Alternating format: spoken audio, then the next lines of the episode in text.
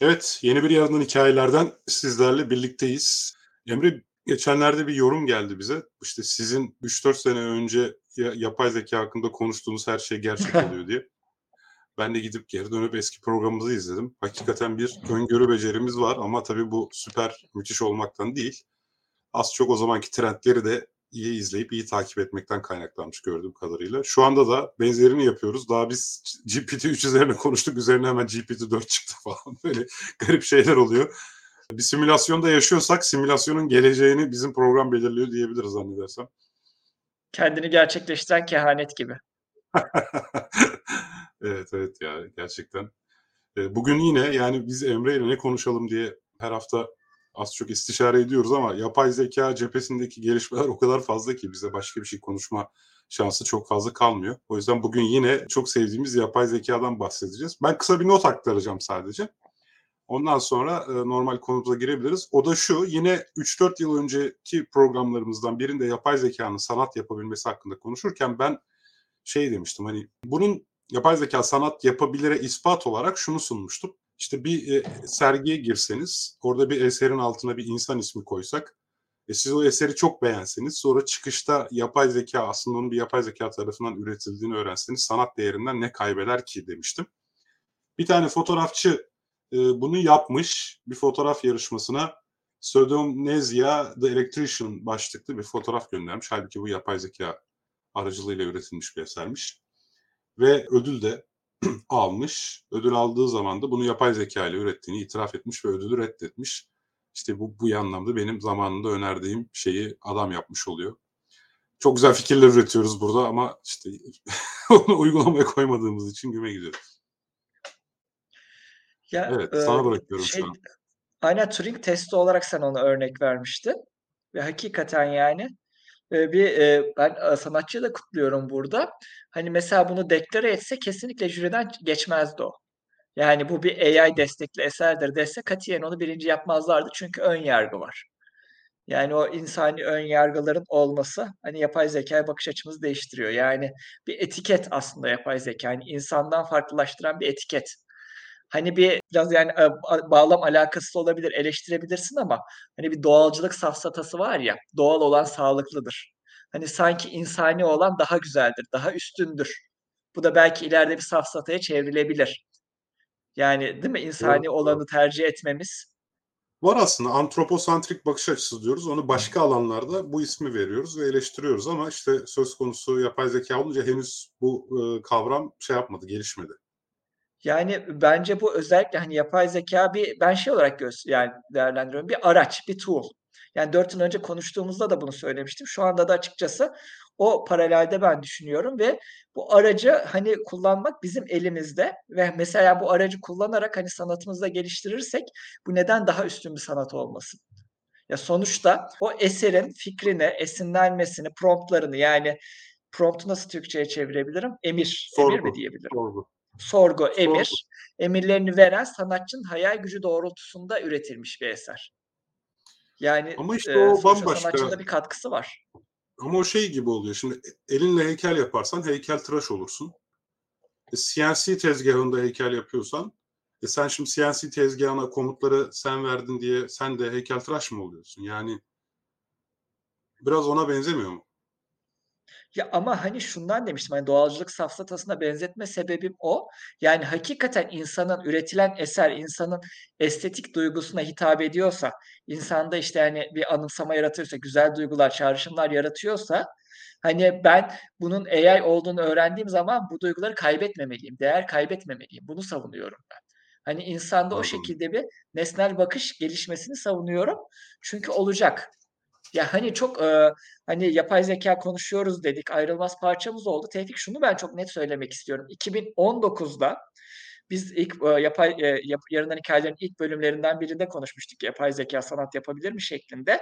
Ben katiyen önümüzdeki 5-10 yıl içerisinde bir yapay zekâ aracıyla, eee, sanat eseri demeyeyim de tırnak içinde, yani görsel bir şeyler üretebileceğimi çok kendi adıma düşünmezdim ya da bu açıdan çok yüksek bir, hani, kursa gitmem gerektiğini, saatlerce çalışmam gerektiğini düşünürdüm. Ancak birkaç aydır Midjourney'e mesela ben kurcalıyorum ve epey, yani, kendimi tatmin edecek şeyler ürettim. Yani, üzerine, yani, uğraşa uğraşa. Yani inanılmaz bir şey. Yani Midjourney şu anda yani herhangi bir kullanıcının birkaç saat içinde adapte olup açıkçası kendini yani belli bir noktaya kadar getirebileceği bir düzeye ulaştı.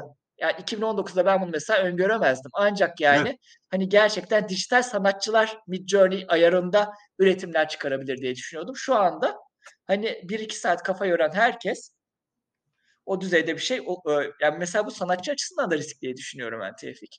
Değil mi? Düşünürsen yani Midjourney'i hani gerçekten bir sanatçı onun başına oturduğu zaman atıyorum Midjourney'de 40 saat 50 saat geçirmiş bir insandan nasıl fark yaratabilir? Çok mu acımasız bir yorum oldu? E, aslında şöyle oldu. Yani şimdi tasarımla sanat ayrı şeyler ya. Yani sanat zaten es- esere doğrudan nasıl söyleyeyim? Yani şimdi dünyanın tüm Midjourney'leri bir araya gelse işte Van Gogh eseri Van Gogh eseridir yani. Hani sen Van Gogh'un eseri çok güzel, acayip, harika, süper falan diye e, sevmiyorsun. Onun Van Gogh'a has bir havası olduğu için seviyorsun ya. Yani Midjourney ile yapabildiğin şeyler aslında birer tasarım. Zaten sen tasarımı sözlü olarak iletiyorsun. O da seni sözlü olarak ilettiklerini bir tasarıma dönüştürüyor aslında. Hani şimdi şey çok enteresan bir şey olmuş. Senle ben 4 sene önceki pozisyonlarımızın böyle biraz zıttına geçmişiz gibi. o İşte zaman ben sanat yapabileceğini iddia ediyor gibiydim. Şimdi ben Midjourney'de bu işte Midjourney ile ilk denemelerimi Twitter'da paylaşırken bak yapay zeka sanat yapamaz deniyordu oha falan dedim. Böyle bir iki tane sanatçı arkadaşım beni hem takipten çıktı hem de engelleyip geri engeli kaldırıp benim onları takipten çıkmamı sağladı. yani hani vay ilk be. başta inanılmaz tepki. Veya ChatGPT de yazılımcılar arasında aynı şeyi ateşlemişti ya. Yani bu sebeple hani insan sanatının insan sanatı olarak kalacağına emin olabiliriz. Ee, ama her şeyden önce tabii ki şey dijital bir sanat olarak yani bir dijital tasarım olarak bu tür yapay zeka tool'ları ön plana çıkabilir. Ama sen az önce bir şey söyledin. Ben de ışık yaktı. Yani 2019'da bize Midjourney'nin ve ChatGPT'nin bugün yapabildiklerini anlatıp 2023'te sizce böyle olur mu deseler muhtemelen hayır derdik. 10-15 yıl Yani derdik ezbere. evet. Mesela o zaman roman yazabilmesini falan da tartışmışız. E, ChatGPT biraz zorlasan roman yazar. Ya bir token Yazar limit'i var sadece. Biraz zorlasan yani. Çok rahat yazar. Öykü yazıyor zaten. Çok öykü de yazıyor. Gayet 13 yaş düzeyinde, 14 yaş düzeyinde yazıyor bence. Yazıyor yani daha iyisini de yapar. Yani şey şu an sadece bir token limiti var.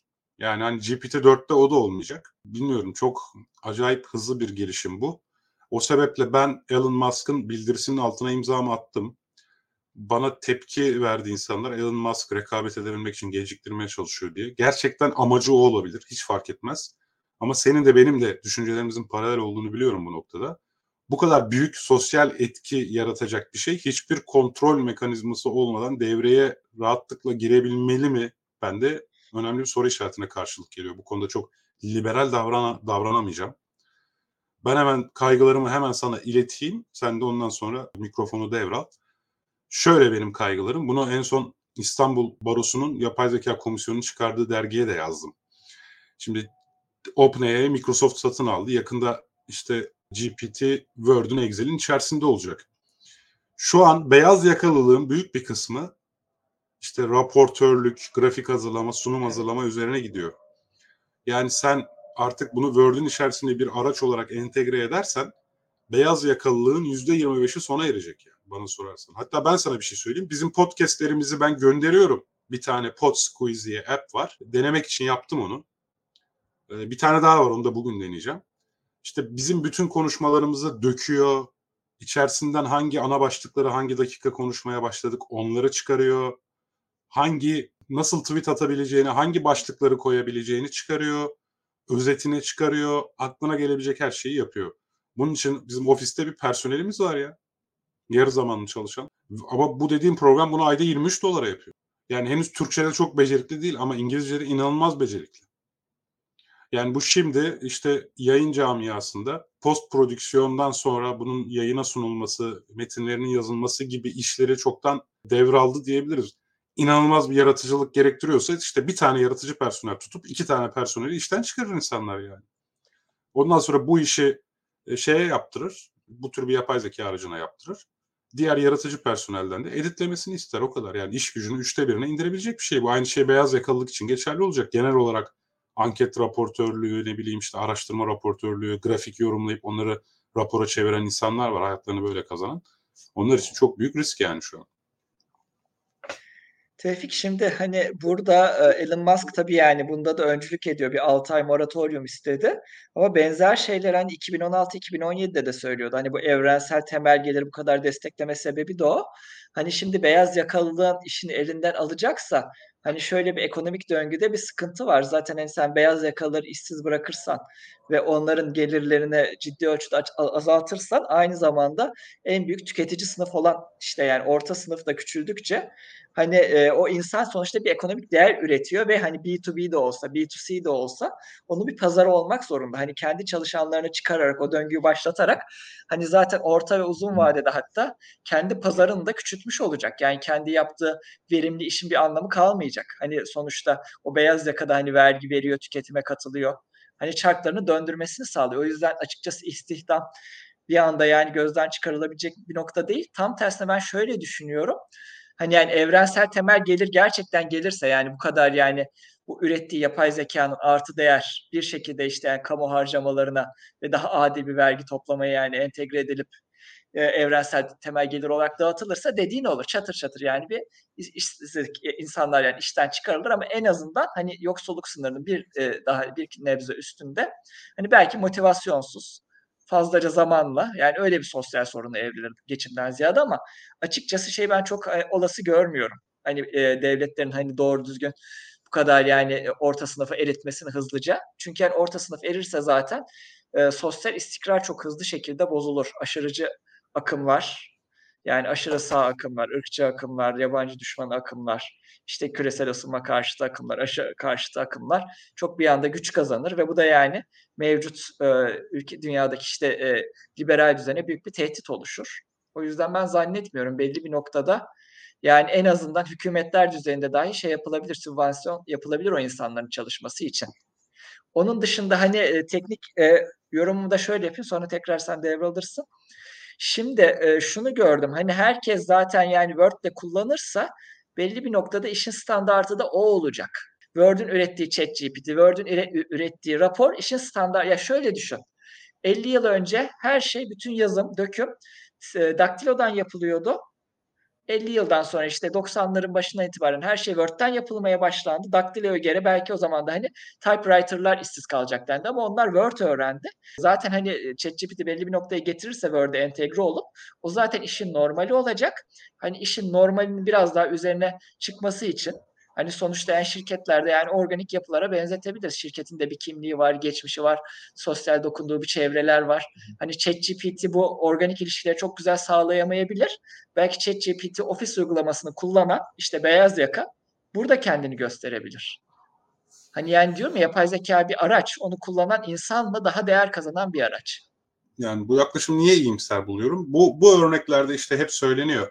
Her teknoloji kendi iş alanını da yarattığı için işsizlik ortaya çıkmıyor gibi. Burada şey hep atlanıyor. Bak tam çok güzel. Daktilo'dan Word'e geçtin ama zaten Daktilo'da da hızlıydın. Word'de de hani çok fazla istihdam kaybına sebep olmaz. Sadece kullandığın araç değişir. Veya çok bir miktar istihdam kaybına sebep oluyorsa bile evet artık Word'ün kullanımı ITC gibi bir IT sektörü gibi bir sektör oluşturduğu için şirkette bilgisayardan anlayan personel falan gerektirdiği için o yarattığı iş gücü kaybı yeni doğan iş gücü alanıyla birleştiği için çok büyük bir değişim görmüyorduk. Şimdi burada aslında bak iki parametre var. Yani teknoloji ne kadar iş kaybı yaratacak ve ne kadar yeni iş alanı açacak. Bu ikisi birbiriyle uyumluysa ve tabii dünyada da artan ticaret ve iş gücü ihtiyacı. Bu üçü birbiriyle uyumluysa çok büyük bir kayba uğramıyorsun. Senin dediğin oluyor. Ama işte bahsettiğim gibi bir anda iş gücü üçte birine düşüyorsa Tamam şirkete de bir tane yapay zeka araçları mütehassısı alırsın eyvallah. E kalan 999'a ne olacak yani şey veya kalan iki kişiye ne olacak üçte biri düşüyorsa diye. Yani şimdi Daktilo'dan Word'e geçiş sadece yüzde on azalmaya sebep oluyorsa oluyorken böyle bir durumda Word'den ChatGPT Word'e geçiş yüzde 66 azalmaya sebep oluyorsa işte o onu kompanse edebilecek yeni alan ortaya çıkıyor mu sorusu meydana geliyor. Mesela ChatGPT 4 görsel input alıyor tamam mı? Sen elinle bir web sayfası sketch'i çiziyorsun. GPT-4'e onu veriyorsun. Onun HTML kodlarını çıkarıyor sana. Evet. Yani şimdi bu mesela front-end için ya da basit web siteleri yaparak hayatını kazanan insanlar için bir risk doğurmuş oluyor. Tamam dediğin doğru o zaman o kişi ChatGPT öğrensin. Tamam fakat ama yapılacak işin süresi 14 saatten 5 dakikaya indi. Ya ama Yani onda bu da zaman artı, yani. artı zaman dediğimiz bir sıkıntı ortaya çıkmaya başladı yani. Artı zaman ama artı karlılığa endeksleneceğine emin değilim onun. Hani zaten bu kadar e, 100 kişi işten çıkarırsa hani kendi potansiyel müşterilerini de işten çıkarmış olacak. Şirketin yani daha verimli olmasına gerek kalmayacak. Hani Ya sonuçta nedir haklısın ama ben mesela kendimi çeviren 3 kişilik KOBİ'yim. Bir kişiyi işten çıkardım. Benim gibi bin tane şirket var. Bin kişi işsiz kaldı. Yani senin dediğin uzun vadeli hesabı çok büyük holdingler yapar. Uzun vadeli sosyal öngörüyü. Ama merdiven altı şirketler, mikro şirketler için direkt iş gücü kaybı ortaya çıkar yani. İş Şey o e, zaman çıkar. dot, dotcom balonunun patlaması gibi olacak 97'de. AI balonu da patlayacak. Bir şey işte Meta e, geçen işte %15 küçüldü. Twitter küçüldü. Onun gibi bir büyük teknoloji devleri işte şey yapacak. Daha böyle kısıtlayacak kendi iş güçlerini. Ondan sonra startuplar bayağı bir kötü etkilenecek. Zaten hani geçen bir bankaları da battı ya. Devlet hemen müdahale etti, zararlarını karşıladı filan. Yani öyle bir şey bekleyebiliriz o zaman. Hani moratoriuma gerek kalmadan zaten hani bu sektörde çalışan insanlar ya aslında bir sonraki programın konusu olsun. Şimdi yavaş yavaş sonuna geliyoruz ama bir bomba bırakayım ben. Ya bomba biraz iddialı oldu da şu gelmeye başladı benim ciddi ciddi aklıma ChatGPT 3'ten itibaren. Bence artık 21. yüzyılda insanların sosyal yetenekleri çok daha bence önem kazanacak mühendislik yeteneklerine göre. Çünkü zaten şu anda yani en üst düzey yani işte Nvidia'yı okudum. Nvidia LLM için modeller geliştiriyor ve bayağı bir ciddi oranda %50 üzerinde otonommuş onlar. Yani %50 üzerinde çalışmalarını kendileri ilerletiyormuş. Yani AI kendisini LLM'nin ilerletecek ne noktaya geldi. e, dinleyiciler için de açıklasana. LLM, Large Language Large Model. Language Model. Yani GPT-3'ün arkasında olan en gelişmiş semantik doğal dil işleme modeli. O sayede işte bütün e, kendi kontekstindeki, korpusundaki yani kendi kaynakçasının içerisinde taramalar yaparak bizim sorduğumuz sorulara cevap verebiliyor. LLM modelleri. Nvidia da mı girmiş yani şimdi bu işe? Tabii tabii Nvidia çok ciddi LLM modellerinin şeylerini tasarlıyormuş. Ya tasarlıyorum şey pardon altyapısını oluşturacak işte bilgi işlem gücünü şey yapıyormuş. Hem donanım Ha, olarak ona hem uygun bir işlemci ya da e, aynen işlemci bir şey, tasarlıyor. donanımsal. Aynen Eyvah aynen. eyvah. Yani Nvidia da ChatGPT'de girdi. bu arada ben şey yazdım Emre. ya senin benim yerimi alabilsin diye. E, Python'da bir e, script yazdım. Konuşuyorum. OpenAI'ın Whisper şeyine göndererek, algoritmasına göndererek konuştuklarımı tekste çeviriyor. Ondan sonra bunu ChatGPT'ye veriyor. ChatGPT bana yanıt veriyor. Google TTS'le de bunu e, şeye konuşmaya dönüştürüyorum. Baya ve verdiğim kontekst de şey işte, işte ben podcast sunucusuyum sen benim konuğumsun adın Neriman Evet. hadi konuşalım diye bir kontekst veriyorum. Yani şu an yakında ChatGPT ile yaptığım podcastleri koymaya başlayacağım açık. Bizden daha çok izlenecek mi bakalım. ya yok Neriman çok kötü konuşuyor. Yani Google TTS çok, Çok- kötü konuşuyor biliyorsun. TTS. İçerik olarak da ben Ama onunla ücretli, ve çok iyi konuşanları var. Onları kullanırsam iyi olur yani. İngilizce, doğru Türkçe, İngilizce üzerinde. Yani dediğim gibi şey tamamlayayım tekrar e, konuşuruz ileriki programlarda. Hani sosyal yeteneklerimizin çok daha önemli olacağını düşünüyorum. Çünkü zaten hani bütün matematiksel araştırmalar, istatistiksel hesaplamalar yani yapay zekanın kendi kendini geliştireceği noktaya kadar ve yani bütün bence hani şey e, çözümleri yani sistem akış çözümleri, sistem optimizasyonları hepsinde yani yapay zeka çözümleri daha çok kullanılacak. Yani hani insanın sanki e, daha böyle sosyal, günlük hayatta yani nasıl diyeyim doğrudan bir bilgi işlemle karşılığı olmayacak uğraşları daha değer kazanacak şeklinde düşünüyorum. Sanki yani hani bir turist rehberliği mesela. Hiçbir robot turist rehberi olamaz yani. falan. Biz onu Kübra ile hep konuşuyoruz. İnan sen de yakında baba olacaksın. Çocuk olunca senin benim gibi insanlar artık gelecek hakkında daha çok düşünmeye başlıyor. Biz de onu düşündük geçen. Yani artık mesela bu çocuğun muhtemelen tesisatçı olması ya da fayans döşeyebilmesi çok daha iyi bir Aşçı değer olması. gelecekte. Yani o ben beyaz yakalılığın sonu diye daha çünkü grand bir teori olarak Kesinlikle. düşünüyorum bunu. Yani bunu da yazmak istiyorum zaten bir iki yere. Kesinlikle. Ee, o yüzden artık mesela e, ona yaşam becerisi ya da başka insanların yaşamını kolaylaştıran Kesinlikle. meslekler işte tesisatçılık, seramikçilik, duvarcılık. Tekrar duvar ustalığının önemli olduğu günlere geleceğiz bence. Ya da işte hani daha böyle insana dokunan sosyal meslekler. Yani aşçılık, müzisyenlik gibi. Ama o zaman da şey sıkıntı, arz talep dengesi çok sıkıntı. Müzisyenlik hala işte sıkıntıda. Müziği Arz talep dengesi de bozuk zaten. O da var bu arada. Bütün bu hizmetleri satın alacak ekonomi nerede? Beyaz yakalılık bitecekse. Aynen öyle. Senin dediğin şey yani burası. Tabii bir Neyse şey daha var. Tevfik Az vaktimiz kaldı ama onu da söyleyeyim. Hani o yazdığım makalede vardı çünkü o Baron'un dergisi için. Şimdi ChatGPT ile çok hızlı bir şekilde içerik üretip web'e koyan web siteleri var. Hiç ChatGPT'ye gidip Emre Yorgancıgil kimdir diye sordun mu? sordum. Ya, ya bana dedi? çok fazla Türk insanı tanımıyor zaten. Önemli biri Ha değilsin yani dedi. ben de saçmaladı. Yani doğum tarihi, hiç yazmadığım kitaplar, şair olduğumu iddia etti. Öldüğümü iddia etti zaten. Beni muhtemelen Turgut Uyar'la vesaire karıştırıyor. Öldüğünü ama iddia önemli değil. Tabii tabii yani 69 doğumluyum. İşte 2015'te ölmüşüm falan gibi. Doğum tarihim de ölüm tarihim de tamamen sallamasyon. Turgut Uyar'ın da değil zaten. kitaplar, şiir kitapları hepsi sallamasyon. Tamam mı? Şimdi ama şeyi düşünüyorum yani bütün internetin bu Tevfik Uyar bilgisiyle dolduğunu düşünsene. İşte yani artık şey meta gerçek, meta truth dediler ya post truth, meta truth. Sonra ben hayır ben bu değilimi ispat etmek gerçi orada öldü dediği için yaşadığımı ispat etmem yeter de. Yani şey işte böyle bir sıkıntı var. Dezenformasyonun kaynağı olabilmesi. Binlerce Twitter hesabının 5 dakika içerisinde açılıp hepsinin ChatGPT Evet. API üzerinden olmamış bir infial, toplumsal Savaşı, olayı olmuş gibi paylaşmaya başladığını varsay. İşte bunlar tehlikeli. Yani ve bunları çok doğal yolla paylaşabilir. Çünkü doğal dil modeli müthiş üretiyor. Yani bunlar çok riskli. Bunları da artık bir dahaki bölümde daha detaylı olarak Filtreler, hepsinin filtresi olacak. Enseyi karartmayalım. Hadi bakalım neyse. Geri enseyi karartmayalım iyi oldu. Bitirelim. Aynen. Evet kendinize iyi bakın. Lütfen bize geri bildirim verin. Dinlenildiğimizi bilmek bizi mutlu ediyor. Ee, arada bize yazıyor olmanız e, tabii ki de en azından bu konuştuklarımızın uzay boşluğuna gitmediğini bilmek açısından bizim için önemli. Bizler burada felaket tellallığı yapmaya devam edeceğiz galiba bir süre. Yok yok iyimser Ee, programlarda olur illaki. Hatta konu önerilerini Hmm. biraz izleyicilerimiz de iletirse Tabii, onların aynen. önerdiği bir konuyu da seçebiliriz. Aynen yani bizim bakış açımızı merak ettiğiniz konuları biz de sizlerden öğrenmek isteriz. Hoşça kalın o zaman. Hoşça kalın, iyi geceler. İyi geceler.